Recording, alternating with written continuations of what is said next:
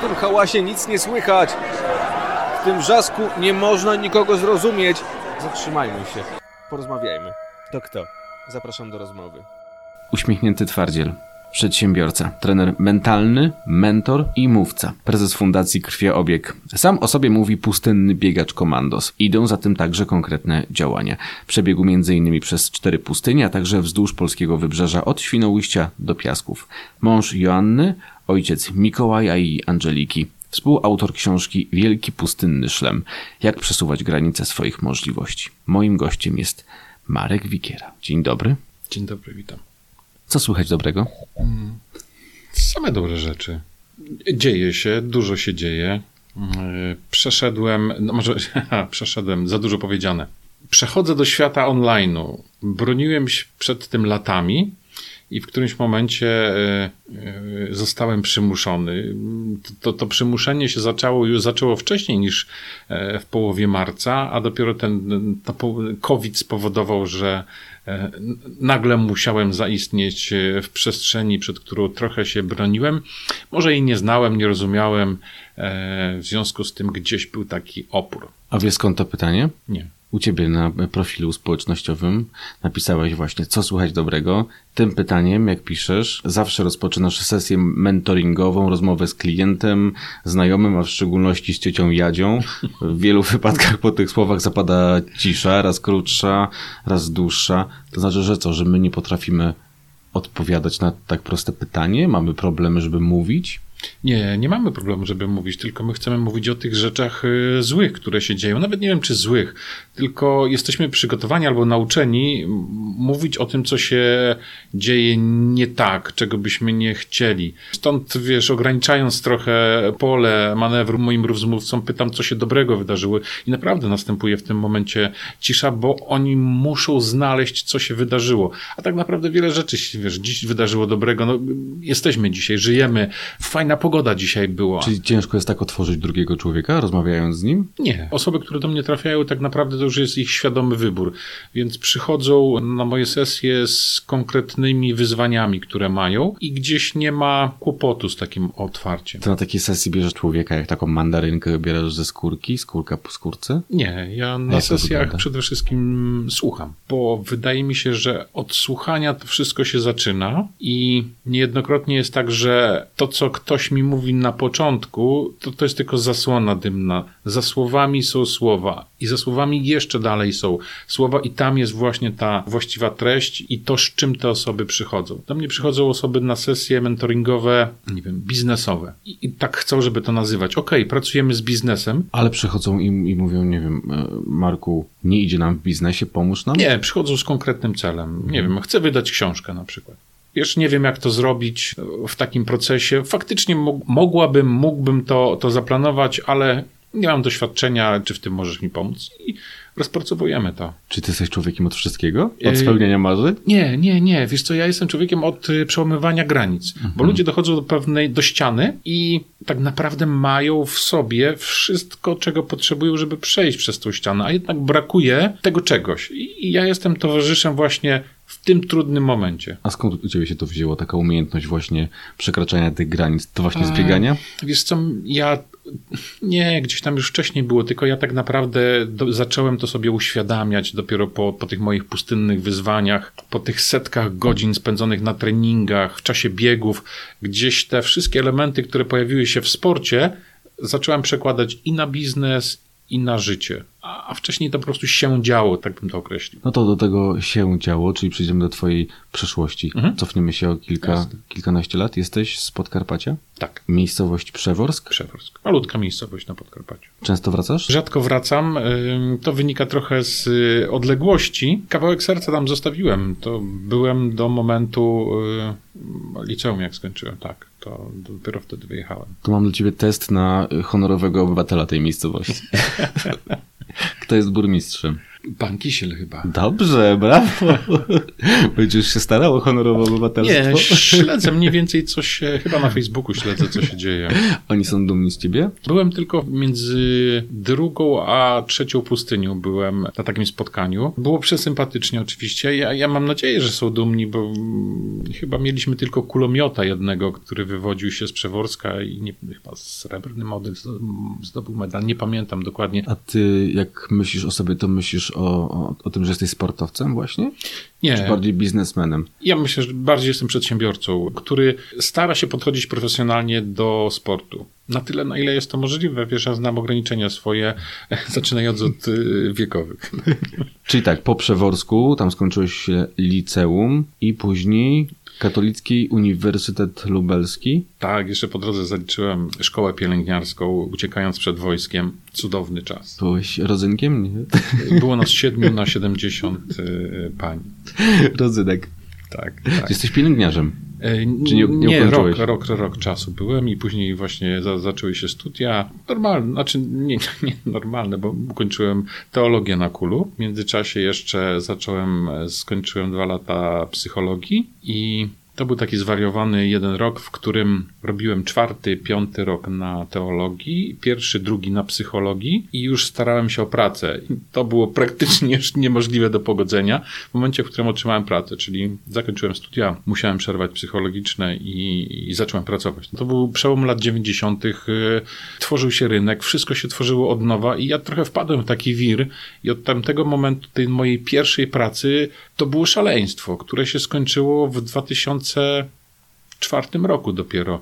Ja żartuję sobie, że jak krew z nosa nie leciała, to w ogóle nie była praca wykonana. I to było straszne. No ja opowiadam to, e, ja moją żonę przekonywałem, że praca od poniedziałku do piątku, tak do 23 to było normalne, w sobotę gdzieś do 17, no bo wiadomo, rodzina e, i, i, i nigdy się nie kończyło o 17, a, a w niedzielę do 12, że to jest normalne. I ja, ja jak dziś słucham siebie, to nie wierzę, że ja coś takiego mówiłem. Czy byłeś pracocholikiem? Tak, to przeszło mi 13 stycznia 2004 roku o 23.17, jak młody się urodził. Przeskok nastąpił i, i powiedzmy, to nie było takie nagłe, ale, ale wiesz, to ja, ja chciałem przebywać tam, jednak ten mały człowiek spowodował, że... Właściwie to ja uważam, że to on mnie uratował, bo ja bym nie wiem, jakbym poszedł dalej. Ale uratował cię też sport. Bo zacząłeś biegać, ruszać się, tak jak słucham rozmów z tobą, czy czytam wywiadów. Mhm Byłeś takim typowym kanapowcem z brzuszkiem, Wie, odzież wiesz, XL. Chciałeś jak była większa niż XL. Ale taki typowy przykład. Tak najczęściej zaczynają. Biegacze, amatorzy, którzy stają przed mhm. lustrem, mówią: O nie, tak nie mogę wyglądać. Blisko, ale wyglądało to w ten sposób, że w którymś momencie yy, mój wspólnik powiedział, że już dalej tak nie może być, że strasznie wyglądam. Ale I, fajny wspólnik. I, I mówi: Zaczynamy chodzić na siłownię. Powiem ci, że no, dwa lata chodziłem na siłownię i ta świadomość, że on tam stoi o siódmej rano i umówiliśmy się, to było chyba jedyna, która wyrywała mnie z łóżka, żeby jednak być. I to potem, wiesz, wyrobił się nawyk jakoś poszło. Ja chyba miałem 108 kg wtedy i powiem ci, że ja zszedłem, nie pamiętam, blisko 100 było, ale i tak e, tkanka tłuszczowa zamieniła się na mięśniową, no bo mięśnie i tak więcej ważą. Natomiast ja nie mieściłem się w standardowej XL-ki. Kołnierzyk ponad 44 i faktycznie była ta sytuacja z lustrem, bo zmiana na bieganie nastąpiła właśnie w momencie, w którym stałem w przebieralni i miałem w ręce, no, byłem zakochany w takiej koszuli i, i słuchaj, nie mogłem w nią wejść. I, I pomyślałem sobie, że dosyć. Ja już chcę w normalne, standardowe, przecież nie będę szył ubrań dla siebie. To, to, to przerzucanie e, żelastwa nie ma sensu w ogóle. I z, znowu ten wspólnik mówi, dobra, to biegamy. Był chyba ze mną na pięciu treningach i później stwierdził, że a, to może jednak nie. A ja jakoś tak, nawet nie pamiętam, jak zaciąłem się i mówię, dobra, to już będę biegał. Tylko jak y, obserwowałem tych wszystkich biegaczy y, asfaltowych, chodnikowych, mówię, Boże, jakie to musi być nudne. I, i faktycznie jeden, drugi trening mówi, nie, ja muszę coś wymyśleć. I tym, co wymyśliłem, to były zawody, to się nazywały bieg katorżnika, e, rozgrywany e, w Kokotku koło Lublińca. To był pierwszy w Polsce bieg OCR-owy. To był bieg taki jak Grand Magedon, mhm. czyli z przeszkodami. I to wyglądało w ten sposób, że jezioro było, 800 metrów biegu, potem znowu jezioro, a potem rowy melioracyjne. I tych rowów było najwięcej. I, i, I powiem ci, że to było jakieś strasznie mi się to spodobało, to poplanie w błocie. To trzy dni się śmierdzi po ukończeniu tych zawodów, ale mówię, kurczę, fajne to jest. I potem wymyśliłem sobie maraton twardziela ekstremu. To jest bieg w Dziwnowie, był organizowany przez byłego specjalsa. To był maraton, dystans maratonu, rozgrywany dwie trzecie na plaży, plus zadania taktyczne. Biegło się w umundurowaniu wojskowym, plus atrapa broni 1,5 kg, plecak 10 kg i zadania taktyczne się jeszcze wykonywało. Teraz biegasz w mundurze, a wcześniej uciekałeś przed wojskiem? tak, tak, tak to wygląda. tak. Okej, okay, czyli tak. Piszesz, że biegasz, bo kochasz piwo i słodycze. Tak, to jest moja słabość i nie pamiętam, kto e, do dzisiaj oszukał mnie, dlatego że mi powiedział, że jak będę biegał, to będę mógł bez ograniczeń właśnie jeść słodycze i pić piwo. Ja chciałem to kupić i kupiłem to. to... I jest taki moment, w którym się, jak przygotowywałem się do triatlonów, e, w takim momencie szczytowym treningów, kiedy, e, wiesz, ja mam codziennie trening, w dwa dni w tygodniu po, po dwa treningi, czyli tak w końcówce, przed samym latem, powiedzmy mam 16 godzin treningu w tygodniu. Więc ja wtedy już mogę i jeść i pić tego piwa. Nie piję piwa, bo szkoda mi e, treningów, ale słodycze mogę sobie wtedy mocno na to pozwolić, bo zawsze mam bilans e, ujemny przy takiej ilości. Ile masz lat? 52. I ty postanowiłeś po tych biegach, o których wspomniałeś, tam gdzie taplałeś się w błocie, biegałeś w umundurowaniu, wziąć udział w biegu Maraton Piasków. To jest bieg przez Sahary. Tak, 231 kilometrów. Skąd pomysł na to, żeby wziąć udział w tak ekstremalnym biegu? Wcześniej miałeś doświadczenie w takich ultrach biegach? To były te dwa, dwa razy wystartowałem w maratonie ekstremum, czyli Maraton, e- maraton ekstremum, a ultramaraton to są dwie różne bajki. To tak jak ktoś mi kiedyś powiedział, że maraton to nie są dwie połówki. Tak, to nie są dwie połówki. Byłem na biegu etapowym, w którym codziennie było do pokonania około 40 kilometrów. Powiedzmy, miałem doświadczenie z noszeniem plecaka i to było jedyne doświadczenie. Nie wiem, dlaczego to zrobiłem. W ogóle pomysł na to był to był dziwny. Dla mnie trochę szalony, bo wiesz, ja e, jak przygotowuję się albo szukam zawodów, to jeżeli znajdę, mm, sprawdzam, e, poszukuję informacji, rozmawiam z ludźmi, którzy je ukończyli, a w tamtym wypadku ja po prostu z, nie wiem skąd pomysł, zapisałem się, zapłaciłem i dopiero wtedy się przestraszyłem. Czyli masz jakąś taką listę biegów, które chcesz pokonać, które musisz pokonać? To może trochę przeskoczę, bo jak ukończyłem maraton piasków, to taka pustka nastąpiła.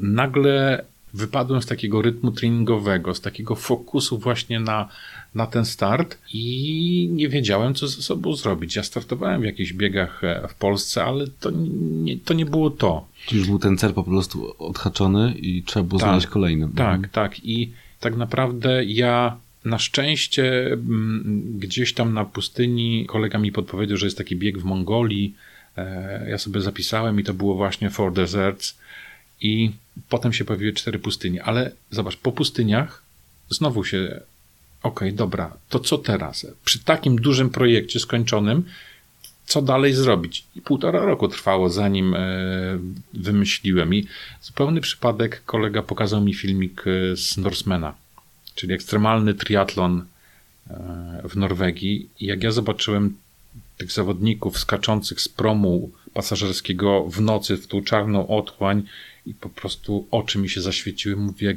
kurczę, ja też tak chcę. I to był moment, kiedy zacząłem trenować triatlon. I od tego momentu sobie obiecałem, że ja już nigdy nie doświadczę takiej pustki, takiego poszukiwania, że ja będę na to przygotowany. I dlatego mam zaplanowany Saharę z synem, później mam triatlon ekstremalny zaplanowany. Czekaj, poczekaj, ja na końcu będę chciał, Mówię żebyś... o pustce, mówię o pustce, Ja na końcu będę chciał, żebyś otworzył kalendarz i powiedział dokładnie, jakie biegi sobie zaplanowałeś. Okay.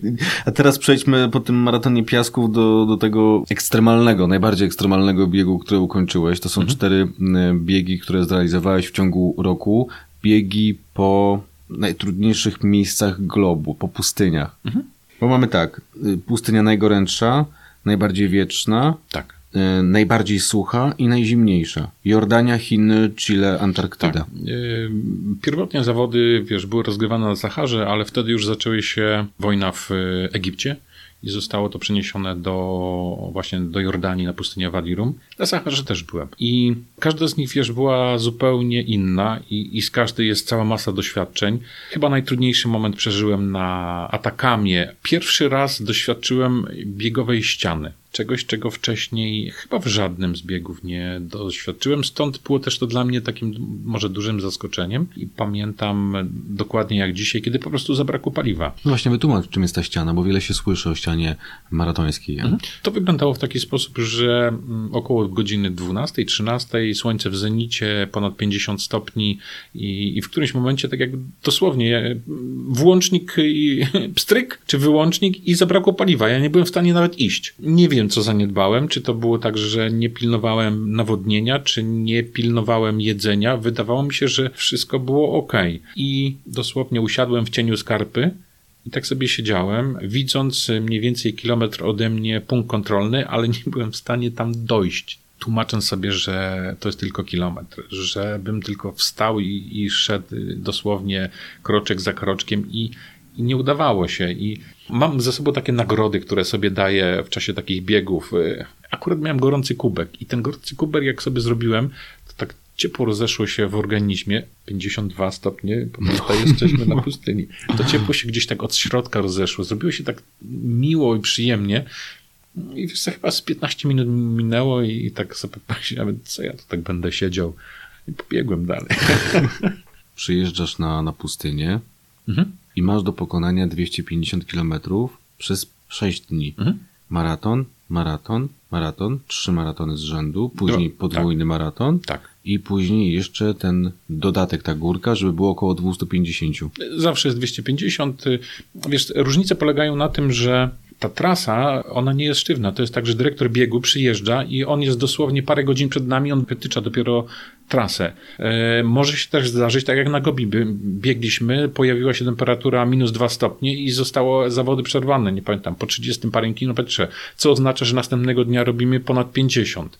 E, w sumie musi być 250 e, kilometrów. Zdarzały się takie sytuacje, gdzie chciałeś przerwać, kiedy miałeś już serdecznie dosyć, kiedy chciałeś przerwać? Na czterech pustyniach nie. To jest ta moja praca mentalna, którą wykonuję na treningach. Ja wiedziałem, że jadę wykonać określone zadanie, że to jest tylko 250 km i że jak e, boli, jestem zmęczony i nie wiem, cokolwiek by się wydarzyło, to trwa to tylko 6 dni. Ja w ogóle nie dopuściłem myśli, że może się coś innego zdarzyć. Ja nie pamiętam takiej myśli, żeby coś było, że chciałbym przerwać. Zdarzały się sytuacje, o których nie pisaliście w książce? Coś takiego ekstremalnego, czy nawet nie powiedziałeś żonie? Na zawodach dwa lata wcześniej była śmierć na Gobi zawodnika. Serce nie wytrzymało. W... Czyli dochodzi do takich sytuacji? że zawodnicy umierają trakcie biegu. Ta organizacja Ford Z, w której biegłem, to był jeden taki przypadek. Na Saharze były dwa takie przypadki, czy na maratonie piasku. Myślę sobie, że statystycznie to i tak jest niewiele. 20-30% osób nie kończy biegu, ale myślę, że to wynika z tego, że jest mocna kontrola lekarska, czyli co 5 km, co 10 jest y, lekarz albo ratownik, który sprawdza twój stan. Jeżeli tobie język się plącze, jeżeli nie ma z tobą kontaktu, to dla ciebie to już jest koniec y, zawodów. Bo ty, Daniel i Andrzej byliście pierwszymi Polakami, mhm. którzy ukończyli te cztery biegi w ciągu roku. jednego roku. Wcześniej zdarzali się, nie było Polaków. Byliśmy też w ogóle pierwszymi Polakami, którzy wzięli zawody, wystartowali w tych zawodach. Ja chcę Ci przypomnieć, że e, Ford Z, cykl tych ultramaratonów, on jest na, na szóstym miejscu w top ten najtrudniejszych wyzwań wytrzymałościowych człowieka i jest jako bieg najwyżej e, uplasowany. I faktycznie nie było Polaka wcześniej. I to też był taki przyczynek, jak ja, słuchaj, szukałem tego celu i do, do Andrzeja napisałem, bo on nie wiedział o Ford Z. Wrzuciłem mu informację, on pooglądał filmiki, odpisał mi, fajny, może byśmy... I, i pamiętam, jak on mówi, w ciągu roku, je, razem, ja wtedy się przeraziłem. Jak w ciągu roku? Przecież y, zobacz, jakie wyzwanie. On mówi, zobacz, nikt tego nie zrobił jeszcze z Polaków. To jest wyzwanie i długo mnie nie, ma, nie namawiał. Bo to też nie jest tylko taki bieg, jak, jak możemy obserwować na ulicy, ale to jest także bieg z kilkunastokilogramowym plecakiem. Tak, to jest tak, że biegniemy mając w plecaku jedzenie i wyposażenie na te 6 dni Organizatorzy tylko zapewniają nam wodę i y, miejsce, chciałem powiedzieć w namiocie, czasem w namiocie, czasem nie w namiocie, miejsce do spania. I teraz miejsce do spania to znaczy, że to jest miejsce na ziemi, gdzie śpimy na karimatach. I wyobraź sobie, że na Ziemi nie jesteś na pustyni w stanie wybrać e, wszystkich kamieni, więc wybiera się tylko te większe, a potem musisz się tak wpasować między tamte mniejsze. Taki masaż miałeś. Ten masaż wyglądał w ten sposób, że mm, jak e, zdrętwiała jedna strona, budziłem się, przewracałem na drugą, więc jakość i ilość tego odpoczynku była naprawdę słaba. I w tym plecaku ile było kilogramów? Pierwszy mój plecak miał 13 kg plus woda, czyli to lądowało około 17 i od tamtego momentu stwierdziłem, że ja muszę to odchudzić i udawało mi się zejść mm, poniżej 10. A jak twoje ciało reaguje na takie ekstremalne warunki, na takie bardzo wysokie y, temperatury? Już dobrze. Było nie najlepiej. A, wiesz co, to było tak, że pierwsza pustynia to było zbieranie doświadczenia, bezcennego doświadczenia. I ona strasznie dużo mnie nauczyła. Najbardziej dostałem tam w kość y, Biegacze stosują przykład wazelinę w miejscach y, najczęstszych obtarć. Ja też miałem tą wazelinę, tylko że drugiego dnia była taka temperatura, y, przy odkręcaniu y, ona się rozpuściła i po prostu mi się wylała. I zabrakło wazeliny, a jeszcze wpadłem na taki genialny pomysł, że skoro oszczędzam na wadze całe ubranie, to nie muszę zabierać bielizny ze sobą, bo przecież leginsy są tak obcisłe, że to nie, nie jest potrzebne. No i wyobraź sobie e, w pachwinie, co, co się działo. Po prostu krew się lała do końca zawodów. Bo ty też biegasz, tak jak wyczytałem, w jednej parze skarpetek? Akurat w dwóch. Tutaj są dwie szkoły. Skarpetki ważą, wiesz, około 60 gram. Trzy razy 60 już by było za dużo, więc to są dwa i teraz są dwie szkoły, że biegniemy albo co drugi dzień, to jest jedna szkoła, albo biegniemy trzy dni w jednych wyrzucamy i biegniemy trzy dni w drugich. Ty jesteś dobrym logistykiem. Tak mi się wydaje. Też e, Daniel opisywał, że często e, dzwonił do ciebie, pisał Tak. z prośbą o, o porady, to ty mu opowiadałeś, jak ten plecak najlepiej zapakować. Jest tak, że ja od tamtej pory mocno się, przygotowując się do zawodów, robię listę oczywiście. Nieraz jest tak, że po trzy razy potrafię przerzucić kubkę, że sprawdzając i odhaczając na liście, żeby niczego nie zabrakło. I ja do tego stopnia sobie rozpisywałem, że miałem na przykład, nie wiem, woreczki z, na poszczególne posiłki. Ja miałem opisane 1, 2, 3, 4, 5, 6. Po to, żeby nie myśleć na pustyni. Do czego organizm zużywa najwięcej energii? Do procesu myślenia. Jak jest jedynka, to jadłem jedynki się w ogóle nie zastanawiałem. Dwójki, dwójki. Przy okazji wiedziałem, ile mi schodzi z gramatury, żeby trochę mentalnie głowę podbudowywać, że nie wiem, dzisiaj 700 gram uciekło z, z jedzenia. To jeżeli nie myślisz o, o batonach, nie myślisz o wodzie, nie myślisz o tym, co masz w plecaku, to o czym myślisz w trakcie takiego ekstremalnego biegu? Tam nie myśli się o niczym. To jest taka forma medytacji. Myśli przychodzą i odchodzą. I ja wiem, że one są. Właściwie niewiele pamiętam. To są tematy, które się pojawiają rodzinne, firmowe, jakieś różne. To, to dosłownie w ten Czyli sposób. nie jest tak, że wyjeżdżasz i zostawiasz wszystko tutaj, tylko cały czas jesteś myślami tutaj? Nie, ja trochę żartując mówię, że tam jest, tam jest walka o życie i trochę przestajesz myśleć o innych sprawach. Te myśli są, tylko że ich nie zapamiętujesz. Myślisz o bólu, o tych otarciach, o, o bąblach, o odciskach, o tym, że paznokcie złażą, Nie. bo takie sytuacje się zdarzają. Nagminnie. Paznokieć zejdzie, to on. Dobra wiadomość jest taka, że No, po urośnie. 6, 6 miesiącach urośnie. Zła jest taka, że nie urośnie już nigdy taki yy, ładny. To Andrzejowi zeszły wszystkie paznokcie u stóp. Andrzej zrzucał paznokcie, tak. Wracasz z czterech pustyń. Mhm. Chociaż ta czwarta to taka mała pustynia. Tam jednak piasku nie E, było. Tylko no nie było piasku, był była, lód. l- lód był, tak. I też było ciepło, bo było tylko minus 25 stopni i, i, No i ponieważ nie było, nie było wiatrów, które są bardzo mocno wieją na Antarktydzie, więc to nie było tak mocno e, odczuwalne. Największą trudnością biegu na Antarktydzie jest dotarcie na Antarktydę, ponieważ płynęliśmy 2,5 dnia i przed czym się trzeba bronić? Przed odwodnieniem i przed brakiem e, posiłku i przed brakiem snu. I dopływasz na Antarktydę i nie masz tego, bo płyniesz 2,5 dnia, sztorm jest, y, fale do 10 metrów, y, nie śpisz, bo po prostu obijasz się o, o koje raz głową, raz nogami, bo tak mocno buja. Jest ci niedobrze, właściwie to już nie masz nic w żołądku. Mm, Dystans do łazienki po to, żeby zatrzymać coś w organizmie, plus, y, plus woda i na takim zmęczeniu dopływasz. I to jest tak, że pontony schodzą, wyznaczona trasa i biegniesz. I teraz bieg to jest y, na zasadzie takiej, y, dyrektor mówi, ok, dzisiaj jest świetna pogoda, to tak nie wiem, 5, 7, może 10 godzin, zobaczymy. I biegamy po zamkniętych kółkach ze względu bezpieczeństwa, bo są szczeliny. Czyli najmniejsze kółko miało 2-2 kilometra i, i po prostu kręciliśmy się, 7 godzin chyba było. To jest ta trudność. To trzeba mieć twardą psychikę przede wszystkim. Tak, i chyba trochę się nie zastanawiać. To znowu taki jest stan letargu i biegniesz. Ja, ja wychodzę z założenia, że trzeba sfokusować się na to, że to jest tylko 6 dni, a, a to jest ty- tylko 40 km dzisiaj, a te 40 km to jest, wiesz, y, 4 po 10 i w ten sposób zmniejszam sobie.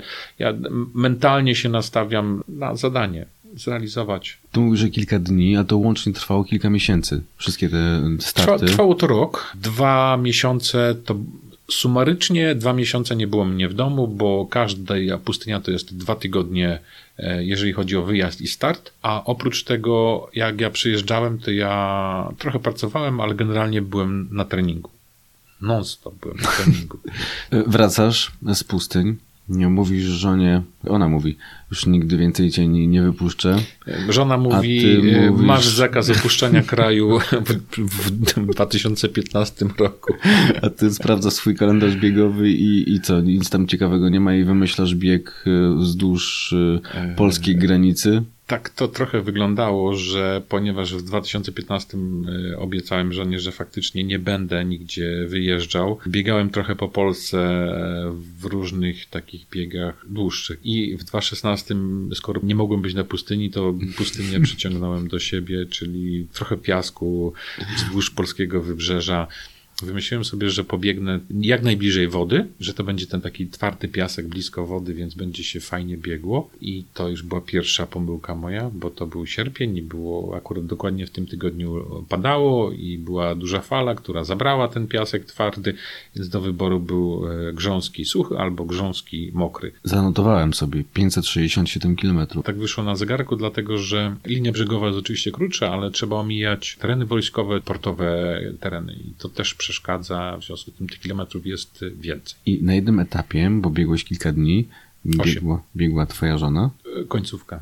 i twój syn. Tak. Ta końcówka to jest właśnie taki ciekawy przykład, kiedy w najtrudniejszych sytuacjach, a tam była dla mnie najtrudniejsza sytuacja, chyba taka największa ściana do tej pory, jakiej doświadczyłem biegowo, czyli w Stegnie, moja żona powiedziała, że w oczach miałem pustkę. I ja tak się czułem, ja już byłem tak zmęczony, że chciałem, żeby się to skończyło. I ona mówi, nie, dobra, wstawaj, ruszamy. I wiesz, i była ze mną te prawie 40 kilometrów bez przygotowania, a młody 20 pociągnął. I, i, i to, to mnie uratowało, bo e, jak już ruszyłem, te kilka kilometrów poszło, no to ja wszedłem z powrotem na obroty, a jak im bliżej było końca, już wiesz, adrenalina była tak duża, że ja już ją tam, ona mówi, nie ciągnij, nie proszę, już nie mam siły, a ja wiesz, do przodu. I wtedy pamiętam, wiesz, było tak, ta końcówka była naprawdę trudna, zaczął deszcz taki strasznie padać e, i chyba po 23 było jak, e, jak skończyłem. To też była taka akcja,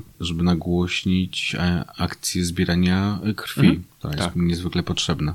To też jest związane z twoją fundacją. Tak, ja wpadłem na pomysł, żeby stworzyć bazę potencjalnych dawców krwi. To są osoby, które zadeklarują, że w sytuacjach awaryjnych, czyli kiedy brakuje tej krwi, że godzą się otrzymać wiadomość, słuchaj, potrzebujemy cię. Jak e, coś się zadzieje i wzywani są krwiodawcy, to nie wiadomo, kto przyjdzie i z jaką grupą krwi, a lepiej by było, gdyby to kanalizować i te osoby, które tak okazyjnie chcą przyjść i oddać, żeby dostały sygnał, jesteś potrzebny. I też, no, zobacz, no jest potrzebne dwie, pięć jednostek, żeby nie przychodziło dziesięć, żeby trochę nie marnować tego potencjału, tej takiej chęci. A myślę, że każdy chce poczuć się dobrze i komuś pomóc i to też warto skorzystać z takiego daru, który gdzieś tam jest w ludziach. Jeden z ostatnich twoich wpisów na portalu społecznościowym piszesz, moja mama mówi, przestałbyś już, ile ty masz lat? Moja mama, mam 52 lata. Kiedy przestaniesz biegać? Nie przestanę. Nie, nie przestanę biegać. E, Może teraz w tym okresie troszeczkę przejdę, wrócę do sportów siłowych. Kiedy wrócisz na kanapę, włączysz telewizor, weźmiesz Nigdy. pilota? Nigdy. Faceci w Ja- twoim wieku tak właśnie postępują. Ja, ja wiem, tylko wiesz, ja generalnie to jest tak, że ja e, im jestem starszy, tym jestem bardziej niespokojnym duchem, tym więcej chciałbym zobaczyć, e, więcej poczuć, ale też e, jest młody, dla którego staram się być wzorem. Nie chcę mówić synek, proszę na trening albo uprawiaj sport, tylko on widzi, ile ja trenuję i mam nadzieję, że w którymś momencie gdzieś tam u niego kliknie. Spędzimy ze sobą masę czasu jeszcze przygotowując się do biegu na Saharze. To jest też taki, wiesz, element y, relacji mojej z nim. W ogóle wymyśliłem sobie, że, że ten start na Saharze to jest coś, co ja mogę mu oferować, dać przed jego wyjściem w dorosłość. Taki trochę fundament, bo jak y, zastanawiałem się, jak trochę ukierunkować młodego człowieka, co on powinien robić, i, i doszedłem do wniosku, że w tak szybko zmieniającym się świecie ja nie mam najmniejszej szansy. I jedyne, co mu mogę dać, to właśnie ten e, wspólny rok bardzo intensywnych treningów, zwieńczonych właśnie startem na pustyni. Ten projekt jest tak wielowymiarowy, czyli trening fizyczny, trening mentalny, cała logistyka, strategia, masa czasu spędzona razem, razem się śmiejemy, razem nas boli. To jest ten taki projekt, który w tym momencie jego chcę mu dać przed wyjściem, bo ja wiem, że on wyfrunie. Ma już takie plany wyjazdu i, i chyba to, staram się złapać te ostatnie trzy lata, e, wiesz, z nim. Ten projekt Tata z synem to jest Sahara, rok 2020 czy już 2021? 2021 takie będzie podejście. W tym roku zostały zawody odwołane ze względu na pandemię. Jak będzie w przyszłym roku też trudno powiedzieć. No, zakładam, że się uda. Na 100% będę z nimi na Saharze. Czy to będzie za rok, za dwa, ale będę z nim tam. Tego ci życzę. Dziękuję za Bardzo rozmowę. dziękuję.